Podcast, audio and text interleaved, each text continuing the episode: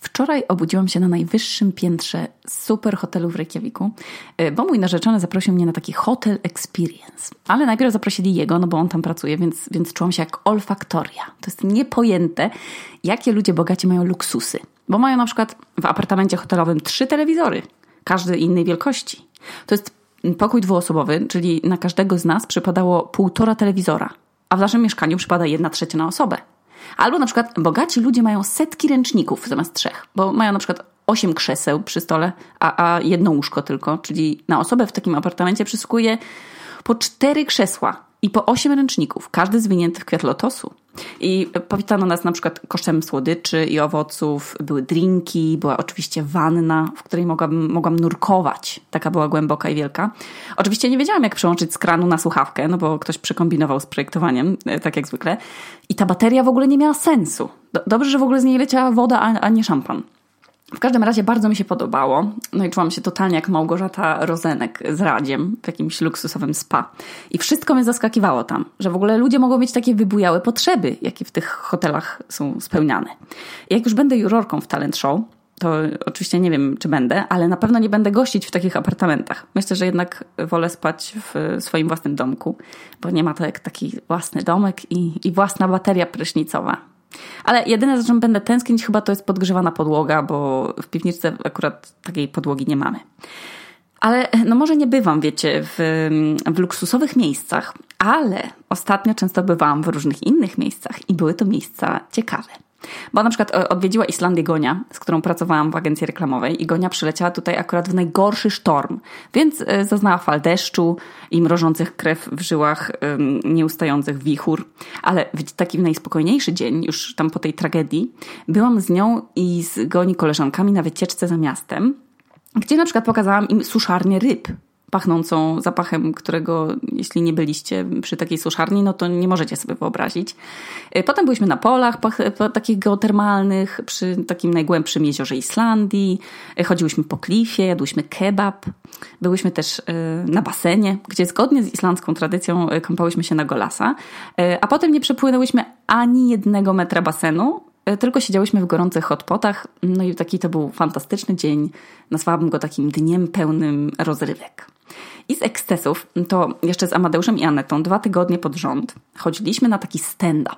I, I, zanim zaczniecie w ogóle gasić ten podcast, bo stand-upy są nieśmieszne i, i, i wiadomo, że kabarety też są nieśmieszne, to wam powiem, co to jest za show. No bo od niego zacznę dzisiaj płynnie przechodzić do głównego tematu tego odcinka, czyli będzie dzisiaj o tym, czego nas nie nauczono nie nauczono nas. Bo na przykład odpisywać na wiadomości osobie, która nas e, ignorowała 5 miesięcy, a my jej odpisujemy w 5 minut, to się nauczyliśmy sami. Albo na przykład nauczyliśmy się robić dobrą minę do złej gry, a czasami złą minę do dobrej gry. Albo się nauczyliśmy ignorować zalecenia lekarskie i nikt nas w szkole tego nie nauczył. Nauczyło nas tego życie. I widzicie, ja nie mam do nikogo o to pretensji, ale mam pretensje i dzisiaj to będzie taki odcinek pretensjonalny, że szkoła nauczyła nas pięciu rodzajów skał osadowych albo krzywej przeżywalności śledzia. Ja to pamiętam do dziś. Ale na przykład nie nauczyła nas, no powiem wam w dzisiejszym odcinku czego. I odkryłam to właśnie na tym stand-upie. Ja się w ogóle e, wzbraniam przed taką formą rozrywki, bo ja bardzo nie lubię, jak muszę się z czegoś śmiać, że na przykład idziecie na komedię i jest napisane, że w recenzji, że ona bawi do łez to ja właśnie robię wtedy tę złą minę do dobrej gry i rzadko mnie ta komedia śmieszy, no bo widzę, że to jest na siłę. Ale jest to dosyć niezwykłe show, ten stand-up, bo prowadzi go grupa osób, które mają choroby psychiczne i ogólnie, ogólnie różne choroby mózgu. Są e, dwie osoby z zespołem Tureta, jest mężczyzna z chorobą afektywną dwubiegunową i ten mężczyzna też występuje zawsze w sukienkach, co jest też super ciekawe. Jest e, dziewczyna ze schizofrenią i taki e, koleś, który się nazywa Thor Hallur, mój ulubieniec, i on cierpi na super anxiety, czyli, czyli chyba po polsku super lęk.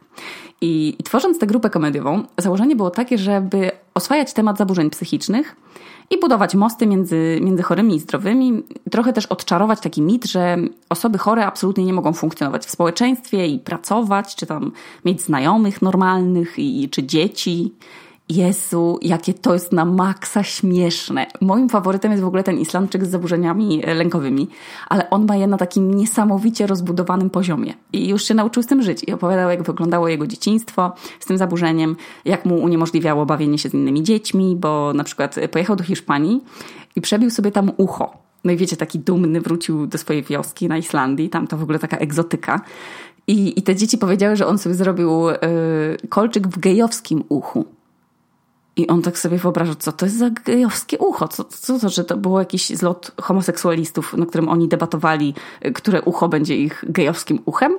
No i to mu pozwoliło trochę ten lęk przed tym posiadaniem kolczyka w uchu oswoić. No ale, ale z jakiegoś powodu już tego kolczyka nie ma.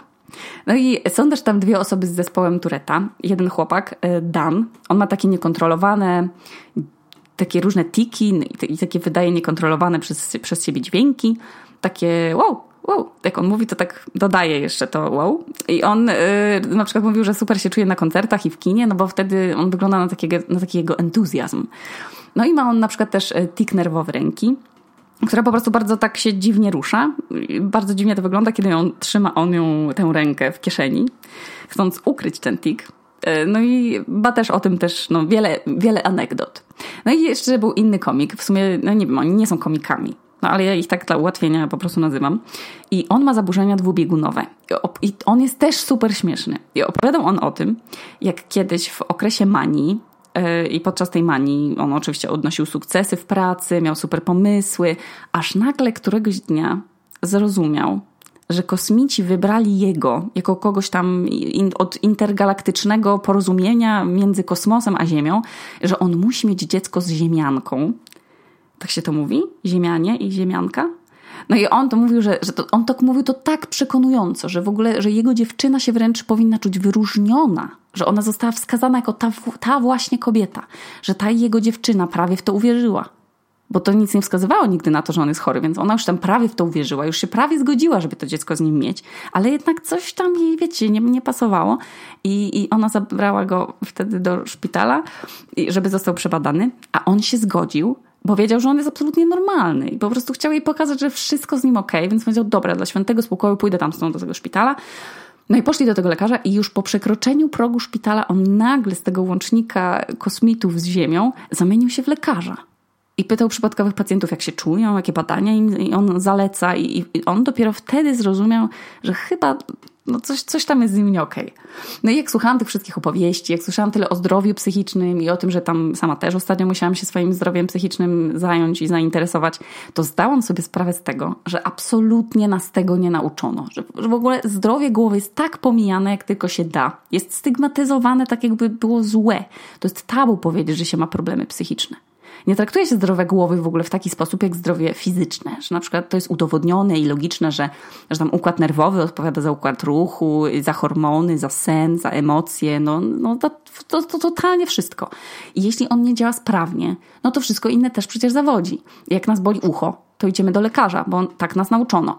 Ale nie nauczono nas wcale, że jak mamy fatalne myśli, i narastające problemy ze snem, albo jak nas nic nie cieszy, albo robimy różne rzeczy, których normalnie byśmy nie robili, Albo jeszcze odwrotnie, że robimy rzeczy, których normalnie byśmy robili. No to trzeba odwiedzić lekarza. I jak się mówi, że się idzie do psychiatry, no to od razu się ma na czole, wiecie, napis wariat. No bo się nie mówi, że lekarz od mózgu to też lekarz jak dentysta, laryngolog czy, czy ortopeda. No i ja nie wiem, ile pokoleń w ogóle musi minąć, żeby, żeby uznać zdrowie psychiczne jako taki elementarny, podstawowy czynnik warunkujący ludzki byt. No nie pieniądze, nie sukces, nie miłość, ale zdrowie psychiczne. Bo z depresją może mieć wszystko, tak? Pieniądze, prestiż, rodzinę, ale depresja jest jak, depresja jest jak wirus w komputerze który wgrywa jakiś taki fatalny kod, który to, ten kod infekuje myślenie i podpowiada rzeczy, których normalnie by nas, nas, ten nasz komputer nie uwzględniał i tych komend by nie wykonywał. I depresja jest w ogóle czymś takim, co jest, tak mi się wydaje, w chuj niezrozumiałe. Że są ludzie, którzy z depresją nazywają lenistwo, albo, albo chwilowy taki smutek, albo przepracowanie. I ja nie mówię, że tak jest w Polsce, bo nawet tutaj słynna wegańska knajpa miała ostatnio taki szyldzik z napisem Make depression great again. No, czy to jest śmieszne? No, dla osoby, która przeszła depresję, to wcale nie jest śmieszne. No, jest to chujowe. I żyjemy w 2018 roku, jest XXI wiek. Psychiką się zajmowali już Grecy. Już Cyceron przecież pisał o chorobach duszy. Już filozofowie odkrywali te choroby psychiczne. I nie zmienia to faktu, że osoby chore były wyrzucane na łodzie, płynące donikąd i tam byli izolowani i mordowani. I dopiero w XX wieku zaczęto o takich chorobach mówić i wprowadzać leczenie. Ale ta stygmatyzacja i lęk przed zajmowaniem się swoją głową jest w ogóle niepojęty. Ludzie oszaleli w ogóle na punkcie frutarianizmu, weganizmu, wszystkich tam form dbania o ciało, a dbanie o głowę jest nadal wstydem. Jakimś mniejszym wstydem jest w ogóle powiększanie sobie cycków, niż przyznanie się do tego, że sobie powiększamy albo obniżamy poziom serotoniny. No i nasze czasem są absurdalne i ja w ogóle mogła o tym mówić tysiąc lat, ale szkoda śliny. Więc do brzegu. Nikt nas nie nauczył dbania o głowę. Jestem pewna na milion procent, że każdy z Was mógłby wymienić przynajmniej z 10 osób z grona swoich znajomych, którzy na bank mają nerwice, depresje, myśli samobójcze, jakieś zaburzenia odżywiania albo są uzależnieni od alkoholu i nic z tym nie robią i się nie idą w ogóle zdiagnozować. Jak nas boli ząb, to wszyscy jesteśmy chętni nagle, żeby, żeby się do tego przyznać i się umówić do lekarza, ale jak mamy coś niespoko z umysłem, to wolimy to sobie przykrywać tym, czym się da i tam obracać to w żart albo właśnie pić alkohol. No, różne przecież się rzeczy robi, żeby, żeby odkładać zadbanie o siebie. I zadbanie o swoją higienę głowy, na przykład uczenie się o przepracowaniu, o wypaleniu zawodowym, o w ogóle takim ogólnym nieradzeniu sobie, to powinien być kurwa przedmiot w szkole, ale nam otwierają tam ośrodki kariery zamiast ośrodków psychologicznych, bo tylko w sumie w jednej z moich szkół była pani psycholog. I jakby ludzie się nauczyli rozpoznawać sygnały swojej głowy, że oho, no coś tam nie działa jak powinno, albo jakbyśmy umieli na przykład reagować w przypadku chorób naszych bliskich. Albo jakbyśmy umieli zauważyć, że ktoś jest dla nas toksyczny, albo że jest wampirem emocjonalnym i, i stosuje na nas jakieś manipulacje, to świat byłby kurwa innym miejscem. I o tym się powinno nas uczyć od najmłodszych lat, na zajęciach w szkole, na godzinie wychowawczej albo na biologii przy omawianiu mózgu. Mózg czasem działa dziwnie i może nam brakować witamin, ale może nam też brakować hormonów. Ciało nam bez przerwy tam płata różne figle i, i głowa też. Dlatego uważam, że każdy w szkole albo no też w domu powinien być uczony, że dbanie o głowę i o mózg i o emocje jest dobre, jest potrzebne i jest totalnie tym samym, co dbanie o wątrobę albo o zęby. I o tym właśnie jest ten stand-up. Jest to wspaniała okazja, żeby poznać osoby, które żyją z zaburzeniami e, psychicznymi i mówią o tym otwarcie i oswajają w ogóle ten temat. Zachęcają do zajmowania się sobą. Ta scena to jest miejsce, gdzie oni mogą być w stu procentach tym, kim są. Z tymi swoimi tikami, e, tureta, z tą swoją nerwowością, depresją albo przeszłością w szpitalu. Po tym każdym show mnie boli twarz od śmiania się w głos. I muszę masować sobie żuchwę, bo, bo słysząc ich żarty i śmiejąc się tak, że, że mi pękają mięśnie w ogóle w brzuchu, to mam aż od tego szczękościsk. I oni planują teraz założenie takiego podcastu, w którym będą opowiadać e, na pytania od ludzi, e, znaczy będą odpowiadać na pytania od ludzi, co też jest genialną opcją, bo zawsze jest taka mm, jakby pogadanka po, tych, po tym występ, ich wystąpieniu, że można zadawać pytania. No i ten podcast jest super pomysłem, no bo nie każdy się może pojawić na Islandii E, żeby wziąć udział w tym, w tym wydarzeniu, ale to też się zmienia, bo wyruszają z trasą po Stanach. No i będzie ten podcast, na którym pewnie będzie można się zsikać w majtki ze śmiechu i, i na maksa nam i też im tego życzę. No ale do moich wyjść z domu, ekscytujących, no to ostatnio byłam też we wszystkich muzeach sztuki w Reykjaviku. Absolutnie zwiedziłam je wszystkie. Nie ma ich wiele, więc tam byłam w czterech i oto czego się dowiedziałam. Bo jak jeszcze w, w muzeum z obrazami tak było ok. No bo szkoła nauczyła mnie w jakimś stopniu analizy obrazów, wiadomo, głównie obrazów patriotycznych albo takich związanych z motywem literackim, no ale mam jakąś pewną wrażliwość i jestem w stanie dokonać analizy obrazu. Albo przynajmniej no, nie analizować go, ale stwierdzić, co mi się podoba, a co nie, albo jakie mam z nim emocje. Ale jeśli chodzi o sztukę współczesną, taką audiowizualną, muszę się poprawić, o, albo, albo jakieś na przykład instalacje, to kurwa, no jestem, jestem pingwinem w stadzie żyraf. No, nie, nie odnajduję się w ogóle w tym. Ale wiecie, kto się wczoraj w muzeum odnajdywał i analizował te rzeczy? Dzieci ze szkoły podstawowej. Ja naprawdę, ja próbowałam się w to wczuć, ale ja nie mogę zrozumieć na przykład sterty misek z dziurami. Przecież to jest, to jest produkcja śmieci, te miski. One by mogły służyć czemuś, a nie leżeć na podłodze. I wykazuje tutaj się i może ignorancją. No ale powiem wam czemu. No bo mnie nikt w szkole nie zabrał do takiego muzeum i nie powiedział, o czym jest sztuka współczesna. Bo y, no, na liście muzeów z podstawówki, jakie pamiętam, y, no to jest Muzeum Przyrody, na przykład z wypchanymi zwierzętami. Y, mam też Muzeum Zamków w Olsztynie, Jakieś muzea takie biologiczne tam w stylu kolekcje rozwodu, rozwoju i rozrodu żubra. No i tyle. I no, nikt mnie nie zabrał, słuchajcie, do Muzeum Sztuki, gdzie by mi y, wyjaśnił, na czym polega sztuka współczesna. I, I wiecie, ja, ja na przykład doceniam pomysłowość niektórych z tych instalacji, albo jeżeli one są na przykład jakieś interaktywne, no to też jest fajnie, no bo można się tak, wiecie, trochę z, tak interakcję jakąś tam z tym dziełem sztuki mieć, ale sterta pomiętych papierów w, w kącie pokoju, no albo y, sztuczna mini stacja krwiodawstwa, to jest za przeproszeniem, no, no to jest chujnie sztuka. To, bo nikt mnie nie nauczył wrażliwości wobec sztuki współczesnej. No, na przykład dobrze się odnajduje w fotografii, w malarstwie, a nawet w abstrakcji ale w czymś takim namacalnym, co, co może mieć jakiś przekaz, jakąś ekspresję. No bo nawet jak ktoś maluje mazy, ale, ale używa konkretnych kolorów, no to ja się mogę domyślić, jaka emocja nim kierowała. Ale jak ktoś nagniótł papierów i je rozrzucił w kącie sali, no to on to musiał zaplanować i przemyśleć. Ktoś to musiał pomyśleć w ogóle, że to dla niego ma sens. Ale ten ktoś też już nie powiedział, co to znaczy i co nim kierowało. I to jest właśnie dlatego, proszę was, no chujnie sztuka. I od razu chcę zaznaczyć, że to nie jest tak, że ja nie mam tych umiejętności rozwiniętych. Bo ja się urodziłam dzieckiem e, inteligentnych rodziców. Takie miałam akurat życiowe szczęście. No i ci rodzice rozwinęli we mnie umiejętności i takie ludzkie, powiedziałam, cechy, że się uważam za wrażliwe, takiego wrażliwego, kumatego człowieka ale mowa o szkole, no bo moi rodzice sztuką się jakoś tam mocno nie interesowali. Interesowali się natomiast e, historią i przyrodą.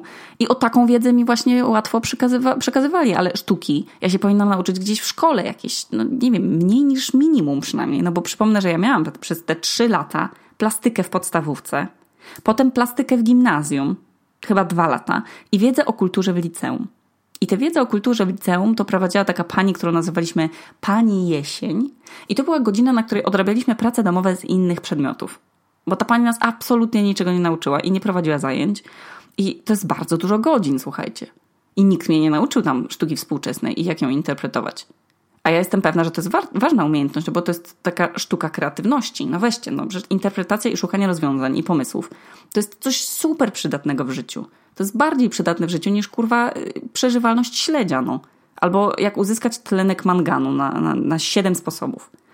I trzecia rzecz, już po tym, po tym muzealnym fakapie, to trzecia rzecz, której nie nauczyły mnie moje szkoły.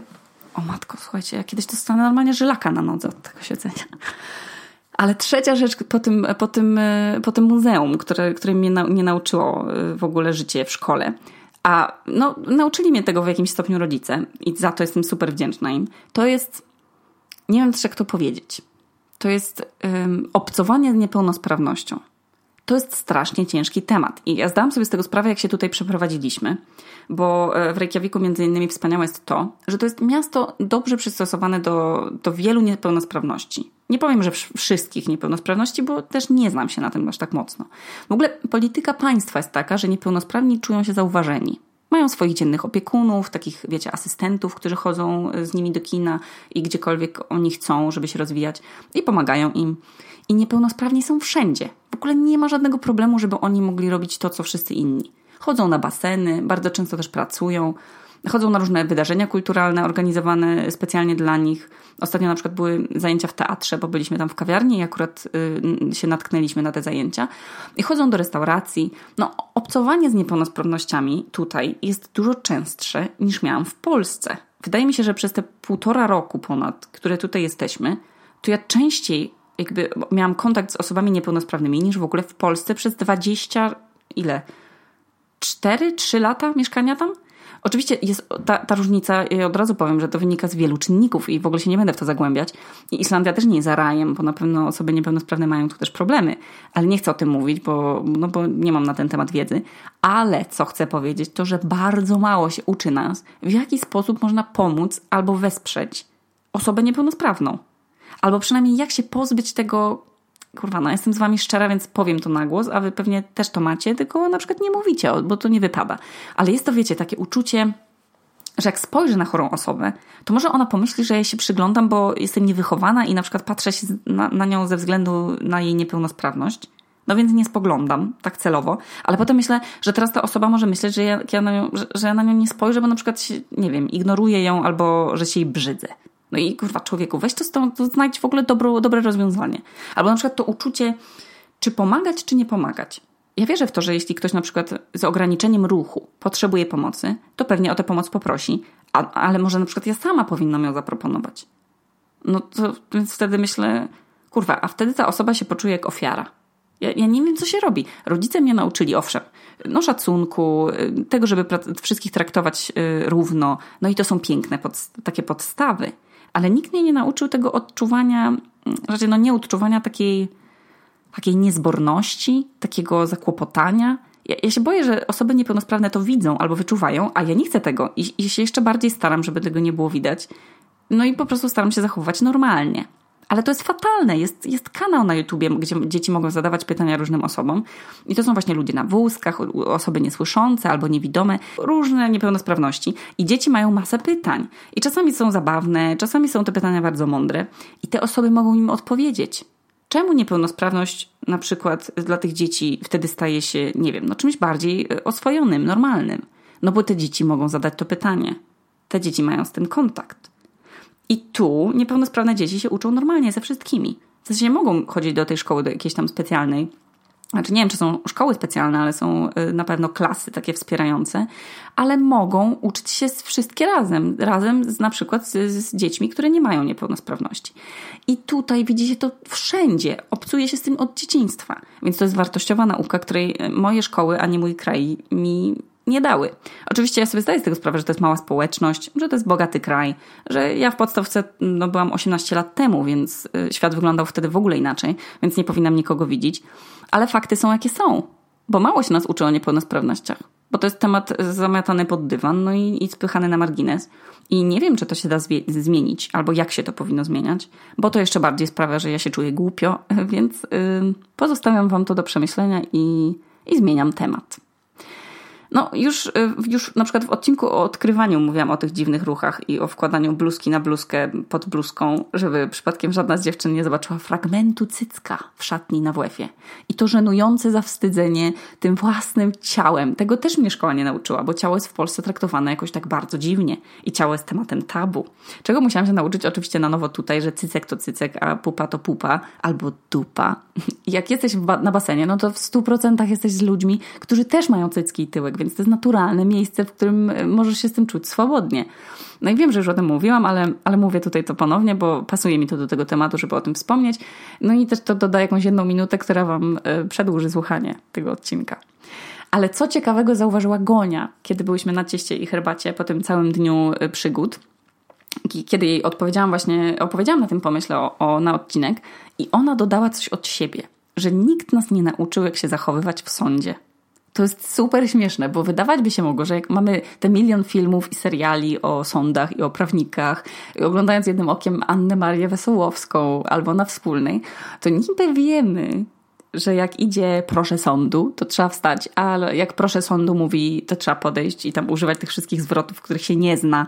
I tak prosto jest się wygłupić w ogóle, albo, albo tak prosto tam zostać uznanym za niespełna, niespełnego rozumu. To jest bardzo śmieszne, ale też dla takiej osoby jak ja, no to byłoby piekło na ziemi, bo to jest połączenie kilku stresorów naraz, czyli obce miejsce, obce, obce osoby, obce ludzie, atmosfera, że można nożem ciąć, jakaś taka powaga sztucznie pompowana, niewiedza, jak się zachować. No i różne takie nieprzewidywalne zwroty akcji, że, że nie wiesz, jak się zakończy rozprawa. Przecież to jest, dla mnie to jest piekło. Ale o moim osobistym piekle to nagram osobiście, e, osobny odcinek, no bo też mam wiele pomysłów na to, jak moje osobiste piekło by mogło wyglądać. A teraz zostawiam Was mm, z takim może niedosytem, bo na pewno macie jeszcze 100 własnych przemyśleń, czego to nas nie nauczyło dzieciństwo i szkoła i w ogóle wszystko inne, co tylko możemy winić, kogo winić. Ale ja teraz y, będę oglądać serial o terrorystach i o FBI, więc y, to jest koniec tego odcinka. No, więc tu Okuniewska na, podło na podłodze w piwniczce w Reykjaviku, a to był odcinek o zaskakującej niewiedzy.